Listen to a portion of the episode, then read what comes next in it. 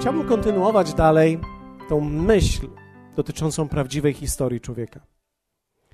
Myślę, że prawdziwa historia to jest historia, którą ludzie, którzy są wokół nas, potrzebują tak naprawdę. Czasami, kiedy rozmawiałem z niektórymi wierzącymi ludźmi, miałem takie wrażenie, że opowiadają ciągle bajki i im bardziej kwiecista bajka, tym lepsza bajka jest. Tymczasem okazuje się, że tak naprawdę to, co potrzebujemy w życiu, to nie jest specjalnie jakaś bajka, czy wielka filozofia, czy jakieś kwiatki wokół, ale prawdziwości. Im bardziej prawdziwa historia, tym bardziej okazuje się, pomaga ona w życiu innym ludziom.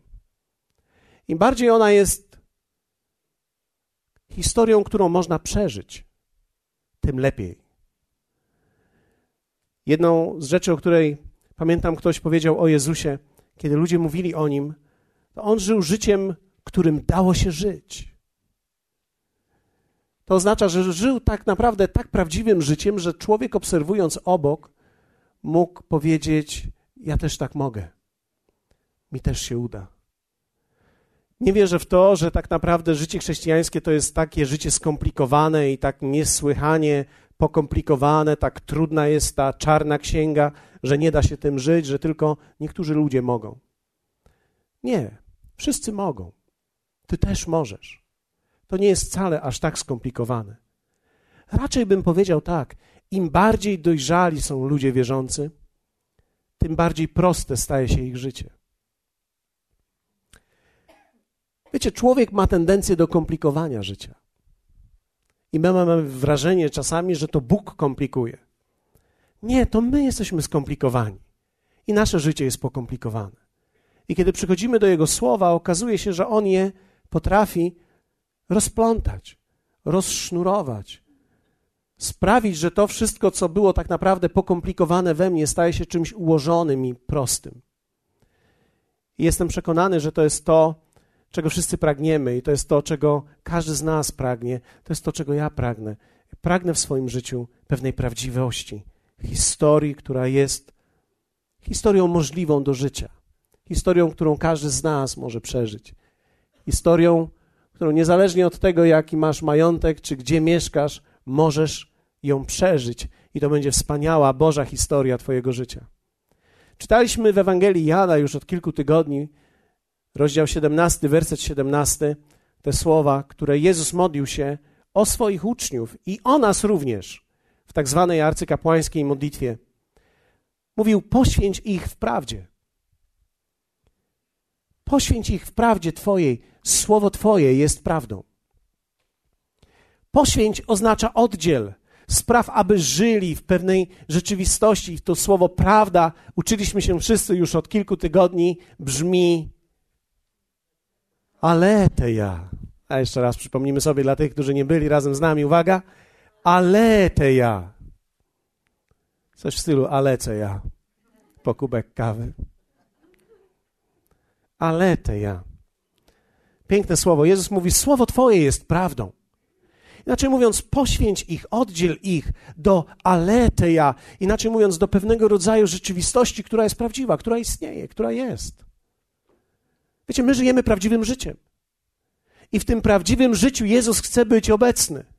Poświęć ich w tej prawdzie. Spraw, aby ta prawda stała się ich rzeczywistością. I dalej mówi: Słowo Twoje jest prawdą. I tutaj Jezus stawia bardzo mocny fundament, że wszystko tak naprawdę, cokolwiek jest prawdziwe, musi mieć w sobie element słowa i być na nim zbudowane.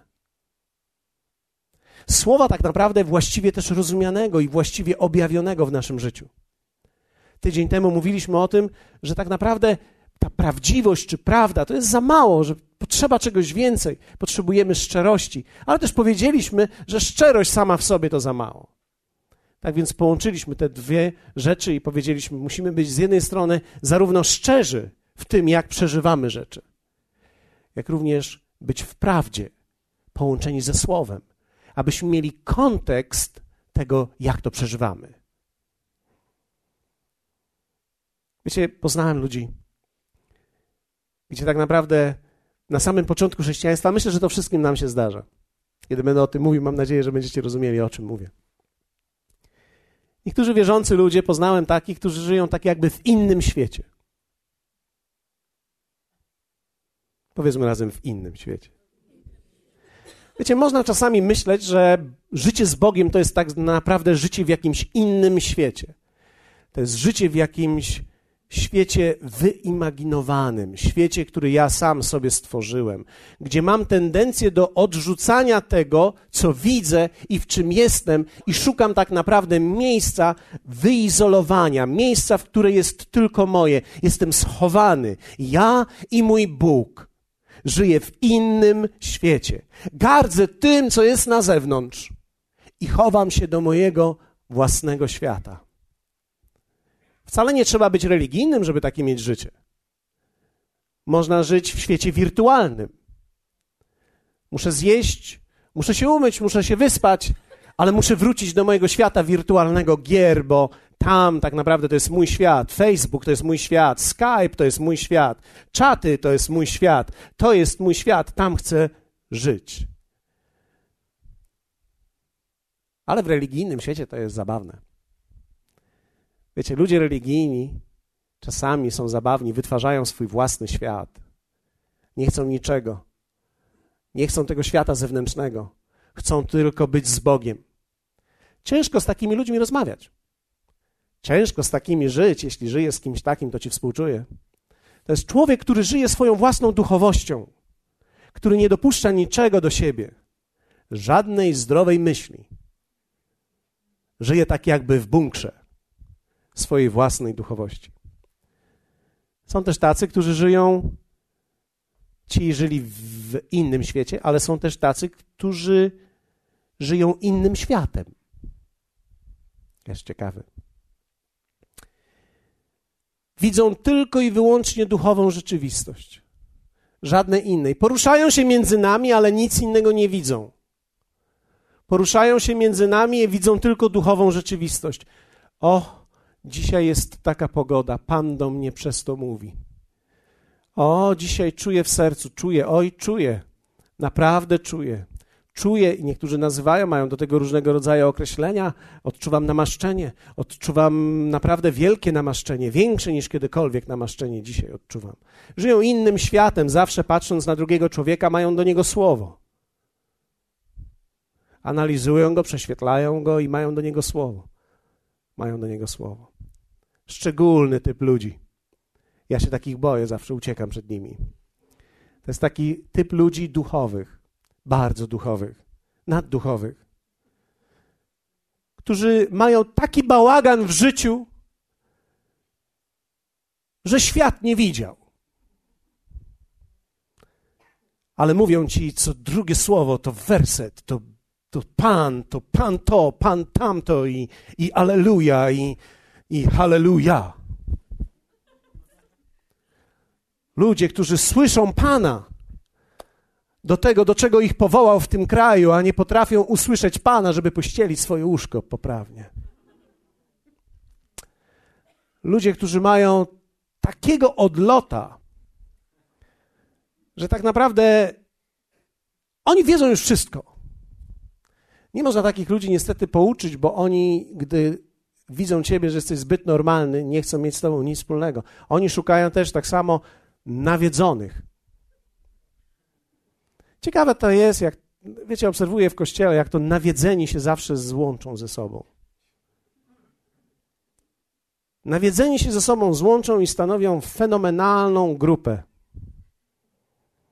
Ten mówi temu ach, ten mówi temu ech. I ten temu dmucha ha. I ten do tego, i ten wciąga. I ten. No, wiecie, ja, ja wiem, że w tej chwili zniszczyłem wszystko, co do telewizji się nadawało. Ale są tacy ludzie, którzy tak żyją, żyją tak duchowym życiem, Pana słyszą, Pana widzą, z Panem są. Wszędzie, gdzie spojrzysz, bałagan. Brudna koszula, wszystko, wszystko nie tak. Jak tylko spojrzysz naokoło, bałagan wszędzie. Ale jak ich zapytasz, Jezus jest Panem? I jakoś tak gdzieś to wszystko nie klika razem. Nie klika. Powiedzmy razem aleteja. No jakoś nie klika ta aleteja.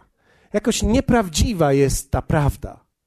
Gdy człowiek patrzy na ich życie, to wie, że oni tak naprawdę zewangelizują tylko takich, którzy to w tym samym świecie żyją. Czasami myślę sobie, gdyby ci ludzie tylko nie przyznawali się do Chrystusa, chrześcijaństwo miałoby więcej szansy.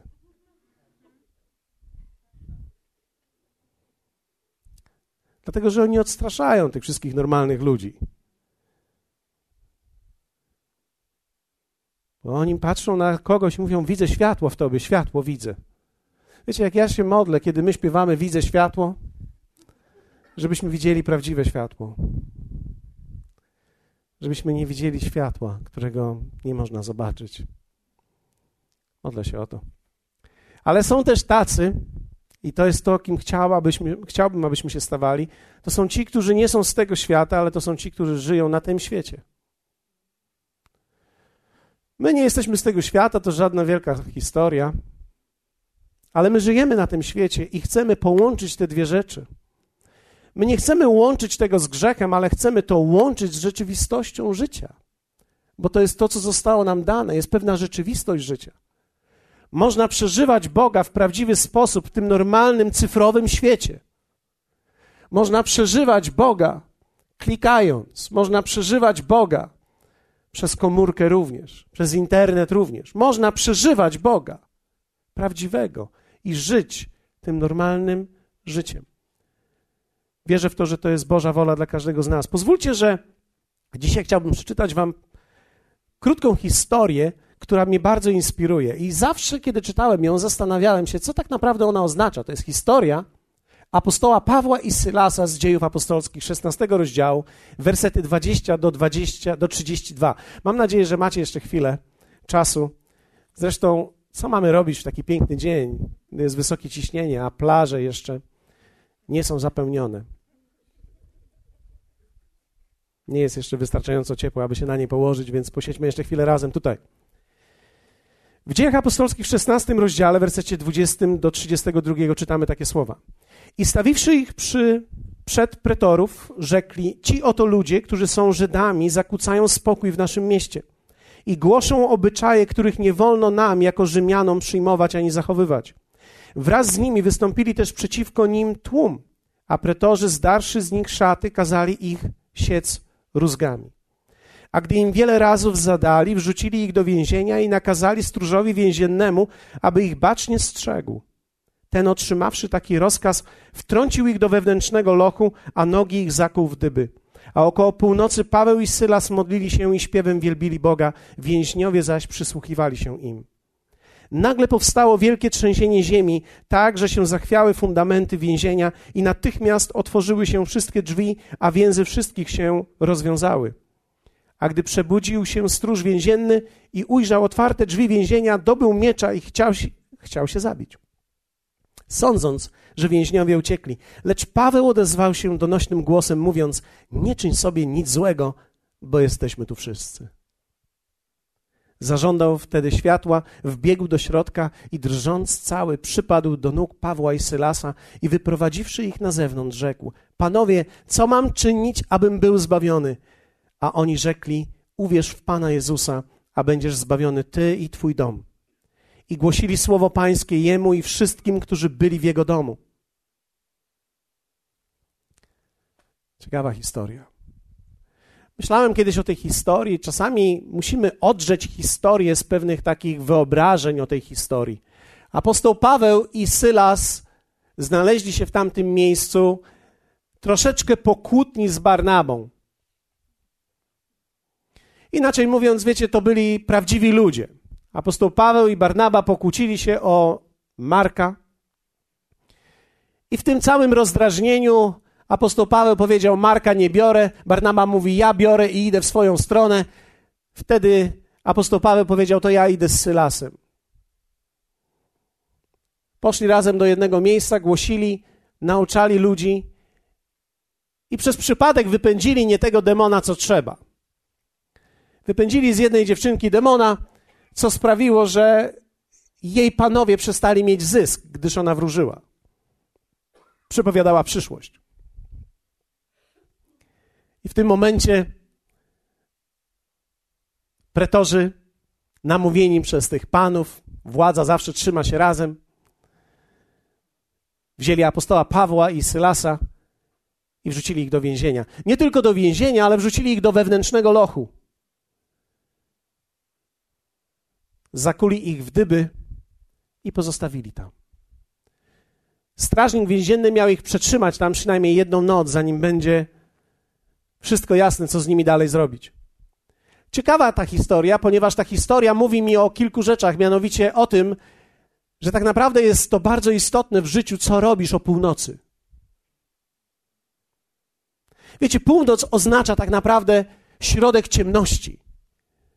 Środek ciemności, środek presji, sytuacja, w której się człowiek znajduje, gdy nie wie, co ma zrobić, sytuacja, w której jest wielu ludzi, gdy nie wiedzą, jak mają przejść daną chwilę, gdy nie wiedzą, jak mają przejść problemy, w których się znaleźli, to jest północ życia. Północ życia to jest, gdy leżysz na łóżku i nie bardzo wiesz, co masz ze sobą zrobić, nie wiesz, szukałeś uzdrowienia, nie przychodzi w tym czasie, w którym chciałbyś, żeby przyszło, kiedy szukałeś odpowiedzi, szukałeś pracy, nawet zasiałeś, nawet zrobiłeś wszystko, co trzeba, tymczasem nie przychodzi jakby odpowiedź i jesteś w środku swojej nocy.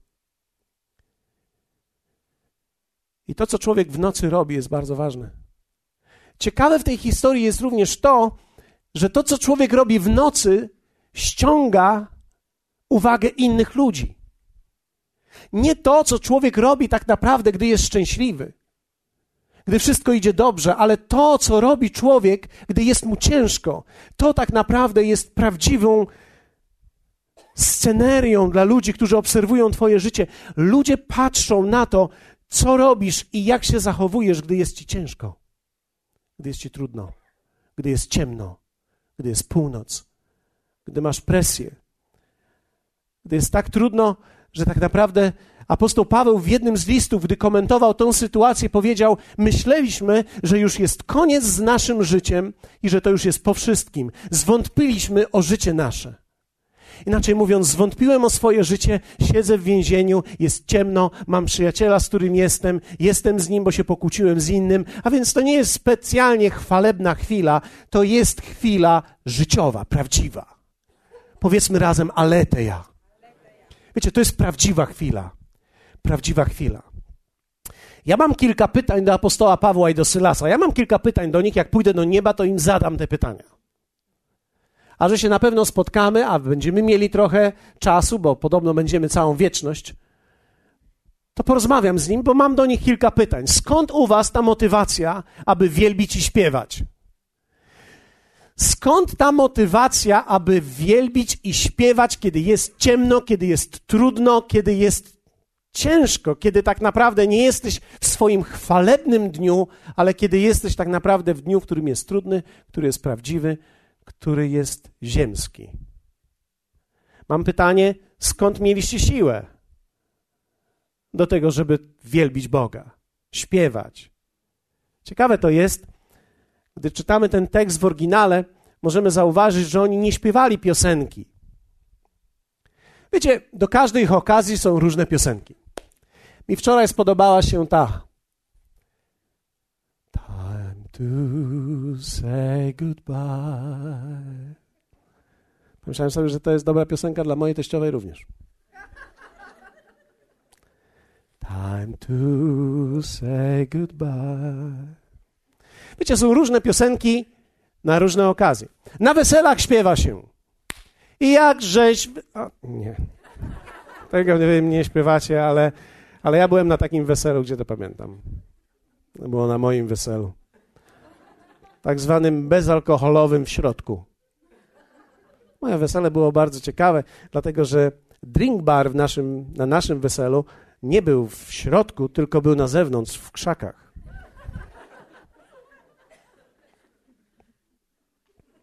Do dzisiaj moja żona, moja żona i moja rodzina cała o tym mówią, jak to było ciekawie, kiedy, kiedy cała impreza, nie wiedzieliśmy dlaczego wszyscy się tak dobrze bawią. Pomyśleliśmy sobie, wow, chrześcijańskie wesela mają sens mają sens chrześcijańskie wesela, ale oni tak naprawdę wracali i tak dziwnym ruchem jakby zawsze szli na zewnątrz, a później wracali coraz lepszych humorach, coraz lepszych humorach, aż w końcu impreza trwała kilka dni. Zbieraliśmy to towarzystwo po wszystkich klatkach później. Są różnego rodzaju piosenki do różnych momentów. Nie śpiewa się takich piosenek na pogrzebach. Na pogrzebach śpiewa się inne piosenki.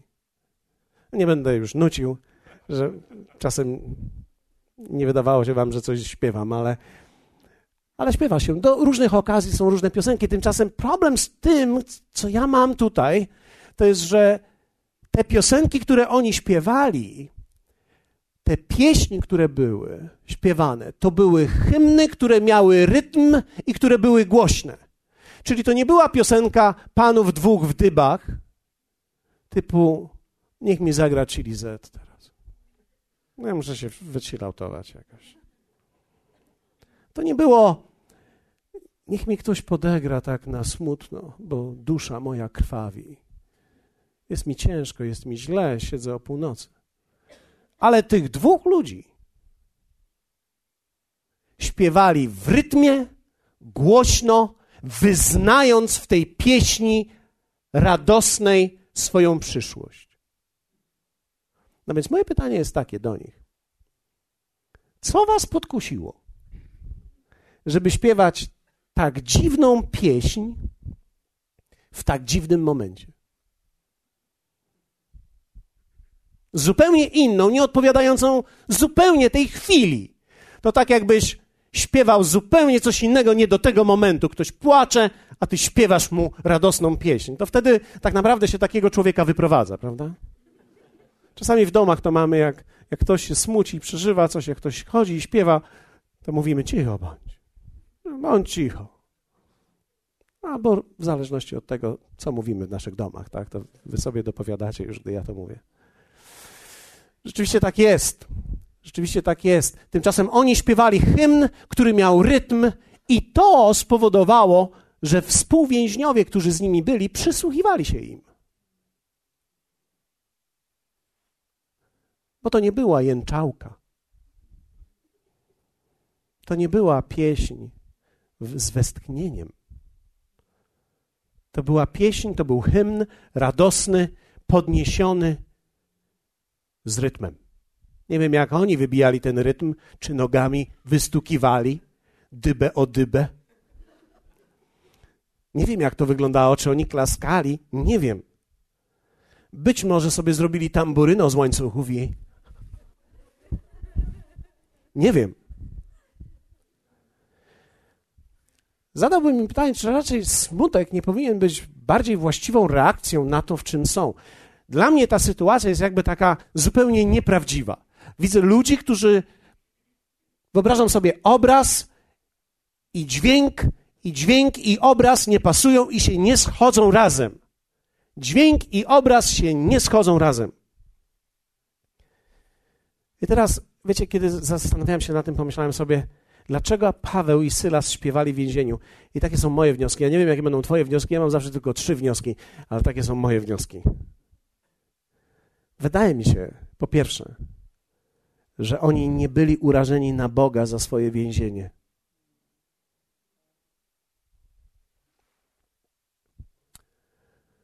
Wiecie, większość ludzi, których spotkałem, gdy mają ciężki czas, a są wierzącymi, pierwsza reakcja jest: Boże, ja Tobie służę i co? Ja jestem z Tobą i taka sytuacja. Jak to jest możliwe, że ja przechodzę tak ciężki, ciężki moment?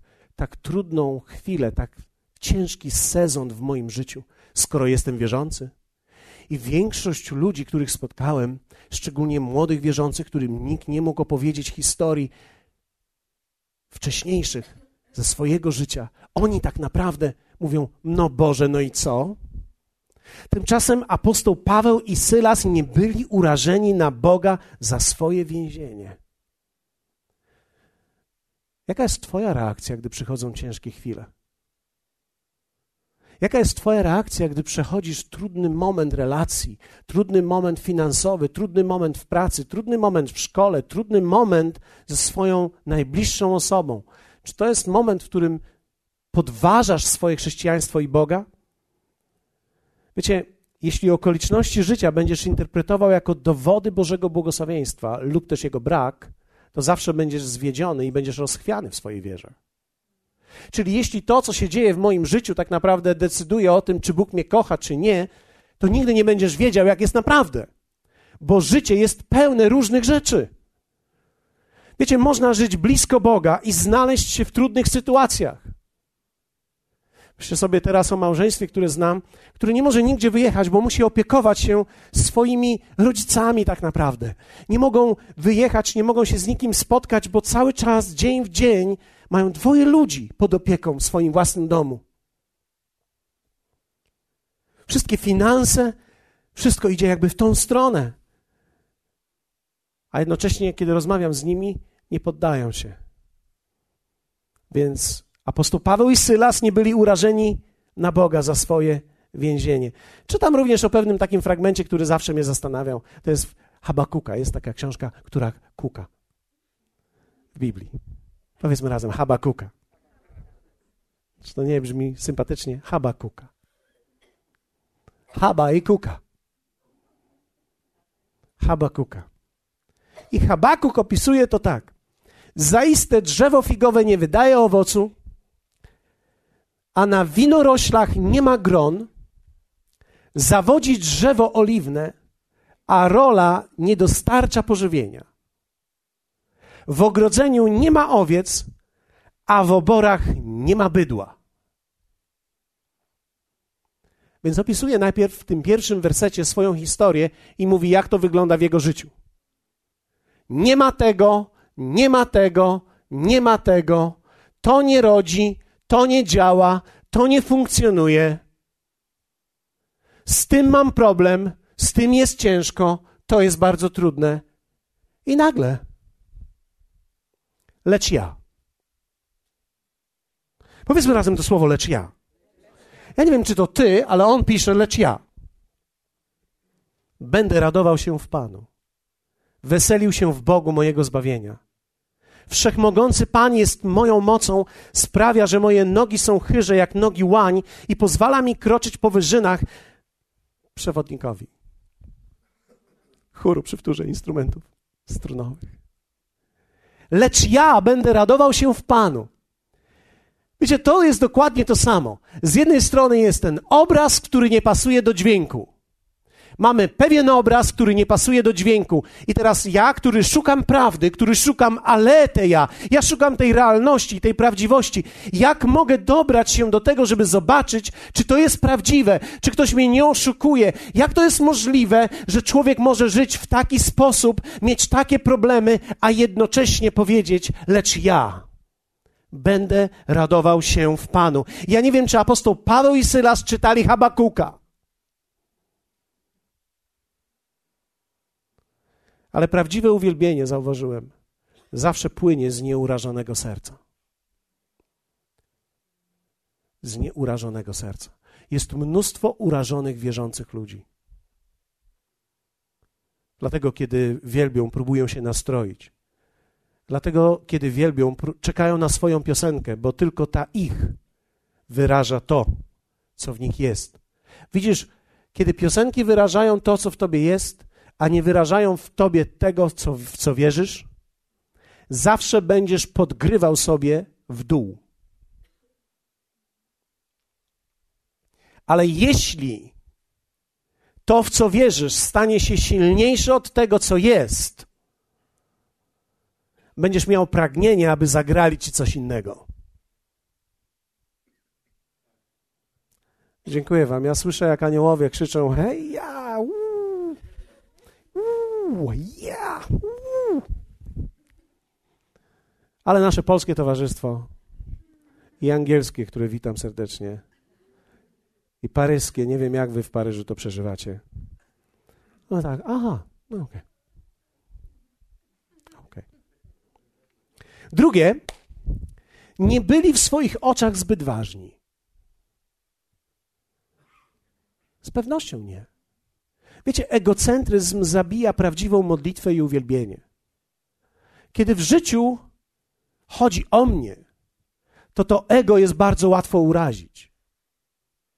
O mnie chodzi, ja jestem, ja, ja się tak czuję, a dzisiaj się tak czuję, a teraz się tak nie czuję. No.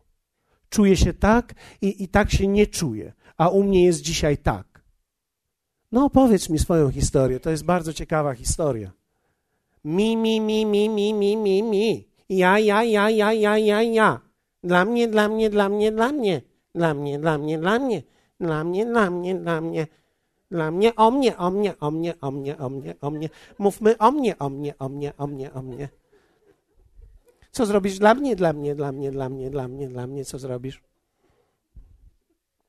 A ja się czuję tak, tak się czuję dzisiaj, tak się czuję. Jak się czujesz? Tak, tak się czuję dzisiaj. I wokół tego wszystko się kręci, jak ja się czuję. Oni siedzieli w dybach i wygląda na to, że się nie pytali siebie nawet, jak się czują. To, to wygląda tak, jakby jeden do drugiego, no, jak się masz? No średnio, a ty? Ja też. Widzisz, kiedy nie o ciebie tu chodzi, ale o Jego wolę, to nagle łatwo jest wielbić. No teraz, rzeczywiście, to są fakty życia. Siedzę w dybach. Rzeczywiście, koza zdechła. Teściowa się wprowadziła do mnie. Wiecie, wszystkie tragedie, które możecie wymyśleć sobie w życiu.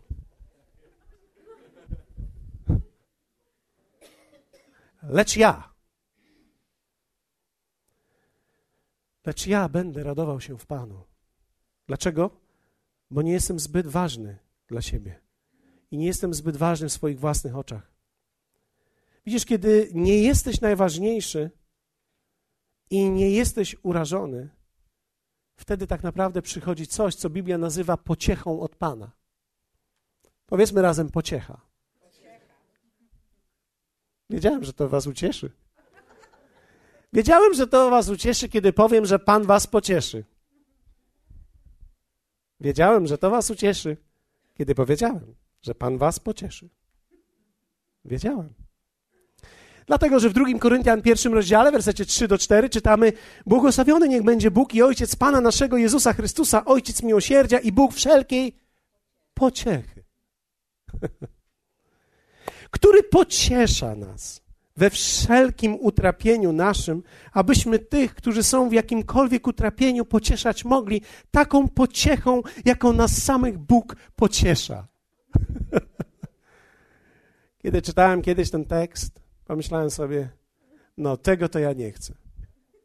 Ja nie chcę, żeby mnie ktoś pocieszał. Ja nie chcę pociechy Pana. Pociecha od Pana nie jest dobrą pociechą. Ja nie chcę, żeby mnie ktoś pocieszał, ja chcę, żeby ktoś mi pomógł. Koza zdechła, teściowa się wprowadziła, straciłem pracę, jest mi ciężko w życiu. Ja nie chcę pocieszenia. Ale apostoł Paweł mówi: Błogosławiony niech będzie Bóg i Ojciec Pana naszego Jezusa Chrystusa, Ojciec miłosierdzia, który i Bóg wszelkiej pociechy. Tymczasem wiecie, kiedy Bóg przy, przyciągnął mnie do tego tekstu, pokazał mi, mi, czym jest tak naprawdę prawdziwa pociecha, która jest od Boga. Bardzo ciekawe greckie słowo pociecha, parakaleo. To jest podejść blisko. Po, pokażę wam ten obraz, bo to trzeba pokazać obrazem. Grecki język jest obrazowy, więc trzeba pokazać obrazem. Wybrałem sobie dzisiaj osobę, która jest kulturystką z natury, a, a, może z pragnień. Aneta, zaklaszmy dla Anety. Wiecie, większość z was nie wie, ale w niej jest moja przyszłość. Ona nosi w sobie moją przyszłość. Pewnie jeszcze nie nosi, ale będzie nosiła kiedyś. Mam nadzieję, szczerze mówiąc, że nie nosi. Ale nie będę jej zawstydzał. Słonko, przynieś tam ten worek. Zarzuć go sobie na plecy i dźwigaj jak każdy porządny wierzący. Słabo, słabe oklaski. Ona potrzebuje wiary. Ona potrzebuje wiary wierzący. Ona jest dokładnie tą osobą. Wiecie, ciężko ci jest? Ciężko ci jest? Ciężko ci jest. Wiecie, jak ja wyobrażałem sobie sieć tak, stój tak i czekaj. Stój. Stój. Mateusz ci da koktajl po. Ten na mięśnie. I teraz. Okej. Okay. I teraz pociecha, którą ja sobie wyobrażałem. Ja wyobrażałem siebie właśnie w takiej sytuacji. Ja z dobrą miną, jako dobry wierzący, dźwigam wielki wór. Taka propos, pełen naszych obrusów. Leci, dobrze jest, okej. Okay. Na razie ci zelżę, dobrze? Na razie. Okej, okay, potrzymaj tu. Za chwilę będziemy dalej dźwigać. Potrenuj trochę drugą rękę. Błogosławiony niech będzie Bóg i Ojciec Pana naszego Jezusa Chrystusa, Ojciec miłosierdzia i Bóg wszelkiej pociechy. To słowo greckie to jest parakaleo, to, jest, to, jest, to nie jest pociecha typu, jak ja sobie wyobrażałem, po polsku pociecha. Po polsku pociecha to jest taka. No, niu, niusiu, dźwigaj. No dźwigaj. O, dobrze. Ale, ale ci, no właśnie, nie martw się, będzie dobrze. Jesteś wierząca przecież. Nie przejmuj się. Bóg nie daje nam ciężarów zbyt wielkich, które możemy dźwigać. Bóg daje nam ciężar taki, który możemy dźwignąć, a nie taki, który nie możemy dźwignąć. Więc ja cię pocieszę. Będzie dobrze, słoniutko, słoniutko. Będzie dobrze. Nie martw się, nie przejmuj się. Kto z was nie chce takiej pociechy? Ja nie chcę takiego Boga. A to ty możesz jeszcze jedną ręką trzymać. No, wiecie, to się nazywa oszustwo chrześcijańskie. Ale te ja powinnaś żyć w prawdzie, a nie oszukiwać nas, że nie dajesz rady, a później jedną ręką do mnie machasz. Okej. Okay. Dokładnie to słowo, parak, parakaleo, Bóg, który jest Bogiem wszelkiej pociechy, apostoł Paweł mówi tak: Bóg, który przychodzi do naszego życia, bierze razem z nami ten ciężar. I idziemy razem. Nie zostawia nam tego ciężaru, nie zabiera od nas tego ciężaru. On jest obok nas i dźwiga razem z nami. I nagle widzisz człowieka, który pod olbrzymią presją w dalszym ciągu idzie. Nagle widzicie ludzi, którzy pod olbrzymimi sytuacjami i okolicznościami życia nie upadają, a jednak idą dalej. Dlatego, że prawdziwa pociecha, która jest tak przetłumaczona w mało elegancko może, ale mało praktycznie w naszej Biblii, tak naprawdę tak ona wygląda. Prawdziwa pociecha, która jest od Boga, to jest dźwignięciem presji. Bóg przychodzi do Twojego życia i dźwiga Twoją presję razem z Tobą.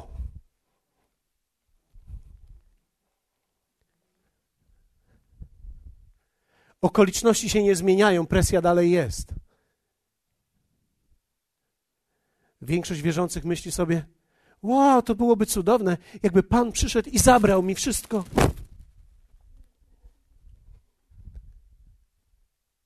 Ale to jest religia. Bóg nie zabiera od nas presji. Bóg pomaga nam ją nieść. Na tym polega prawdziwa pociecha.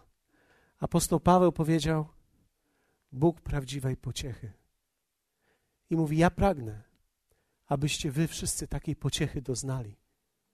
Gdyż jaką ja doznaję, taką wszyscy mogą doznać. Doznać pociechę, która jest prawdziwą pociechą, jest prawdziwą realnością. To jest pociecha, która jest od Boga. Prawdziwa pociecha przychodzi, kiedy człowiek się od Boga nie oddziela, ale kiedy zaczyna śpiewać, wtedy on przychodzi blisko.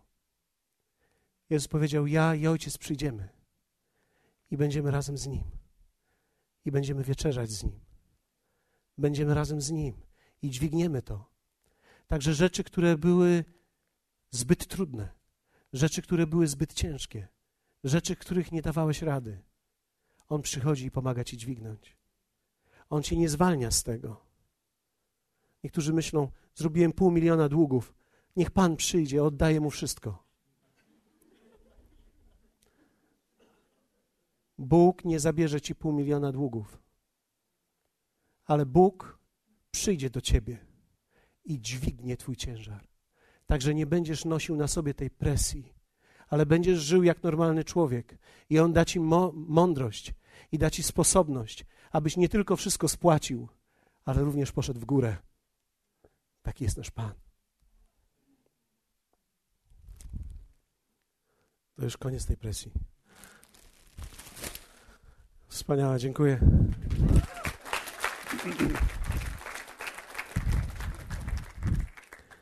Kiedy nie jesteś najważniejszy i urażony, wtedy przychodzi pociecha od Pana.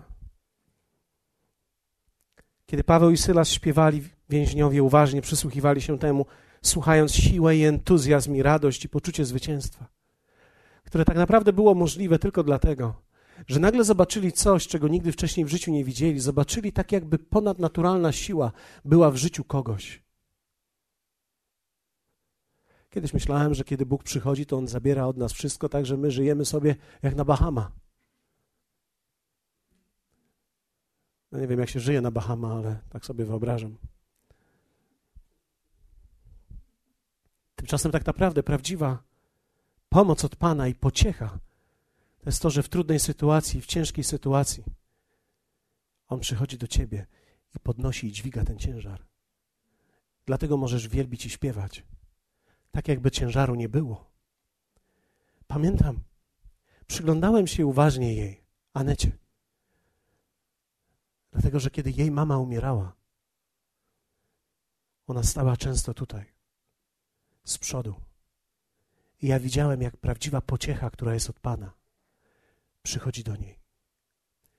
Ona nie była w stanie nic z tym zrobić, nie była w stanie jej pomóc.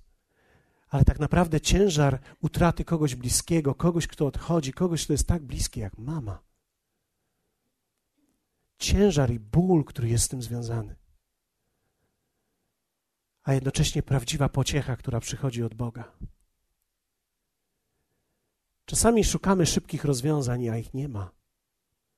Ale tu nie chodzi w życiu o szybkie rozwiązania, ale chodzi o prawdziwe rozwiązania. Prawdziwy Bóg przyszedł do niej. I ona wielokrotnie mówiła mi to, że Pan przyszedł i dźwignął jej ciężar i pozwolił jej przejść przez to. To jest prawdziwa pociecha, i ten sam Bóg jest dzisiaj obecny dla ciebie w Twoim życiu.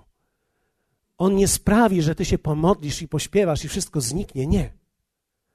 Ale jeśli pozwolisz Mu, prawdziwy Bóg przyjdzie do Ciebie i da Ci pociechę, dźwignie ciężar, tak że będziesz w stanie nie tylko wznieść swoje ręce, ale śpiewać z entuzjazmem i z radością, bez względu i mimo okoliczności, w których się znalazłeś. To jest prawdziwe chrześcijaństwo. Jezus mówi: poświęć ich w prawdzie. Moje słowo, Twoje słowo jest prawdą. Powstańmy. Ostatnia rzecz, którą chciałbym powiedzieć Wam, chciałem powiedzieć Wam na stojąco. Ci, którzy nas oglądają, oczywiście to jest niemożliwe dla Was. Ale jedną z rzeczy, którą zauważyłem, kiedy patrzyłem, jak oni to przechodzili, to po pierwsze zobaczyłem, że nie byli urażeni na Boga. Po drugie zobaczyłem, że nie byli w swoich oczach zbyt ważni. A po trzecie zobaczyłem, że w tym uwielbieniu, które płynęło, nie mieli żadnych ukrytych motywów. Żadnych ukrytych motywów. Wiecie, kiedy czytamy ten tekst i kiedy słuchamy kazania, może nam się wydawać w ten sposób: Wow, to będzie wspaniałe, po prostu ja będę wielbił Pana, a Pan po prostu uwolni mnie od tego. Tymczasem słowo bardzo wyraźnie mówi, że kiedy oni wielbili, werset 26 mówi tak: nagle powstało wielkie trzęsienie ziemi. I to słowo nagle w greckim jest nieoczekiwanie. Inaczej mówiąc, oni nie czekali, że teraz Bóg uwolni ich z łańcuchów nie oczekiwali, że przyjdzie trzęsienie ziemi, no kiedy ono już jest, bo już śpiewamy trzecią zwrotkę. To już powinno być tak naprawdę, bo przecież już trzecia pieśń, a Pana nie ma. Nie. Oni nie mieli ukrytych motywów. Oni uwielbili Go jako Boga, a nie tylko jako wyzwoliciela. Oni uwielbili Go, bo pomyśleli sobie, nasze życie nie jest aż tak bardzo ważne. Zresztą apostoł Paweł w liście do Koryntian mówił to kilkakrotnie. Jeśli chodzi o moje życie, to nie ma o czym opowiadać. Wiecie, jak to nie ma o czym opowiadać człowieku, który widział tak wiele cudów i tak wiele przemiany? Jak, jak nie ma o czym mówić? Przecież jest o czym mówić. A on mówi: Nie, nie, moje życie nie jest aż tak ważne. I oni nie mieli żadnych ukrytych motywów. Oni po prostu go wielbili, bo on jest Bogiem. Wielbili go, bo on stał się kimś większym dla nich niż ich własny problem, niż ich własna presja, niż ich własna sytuacja, w której się znaleźli. Oni go wielbili, bo on stał się kimś bardziej realnym niż sytuacja, w której się znaleźli. Dlatego nie oszukiwali śpiewając i nie próbowali się wydostać z tego, ale tak samo byli zdziwieni jak wszyscy inni, gdy nagle powstało trzęsienie ziemi. I nagle się okazało, że łańcuchy spadły. I wiecie, kiedy łańcuchy spadły, oni w tym momencie nie pomyśleli: Wow, Pan nas uwolnił, uciekamy.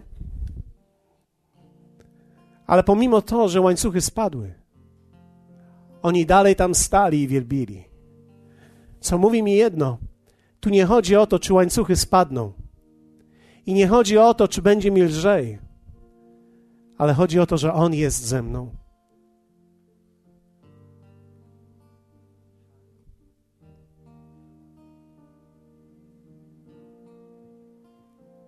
Nie chodzi o to, że moje życie nagle jest lżejsze.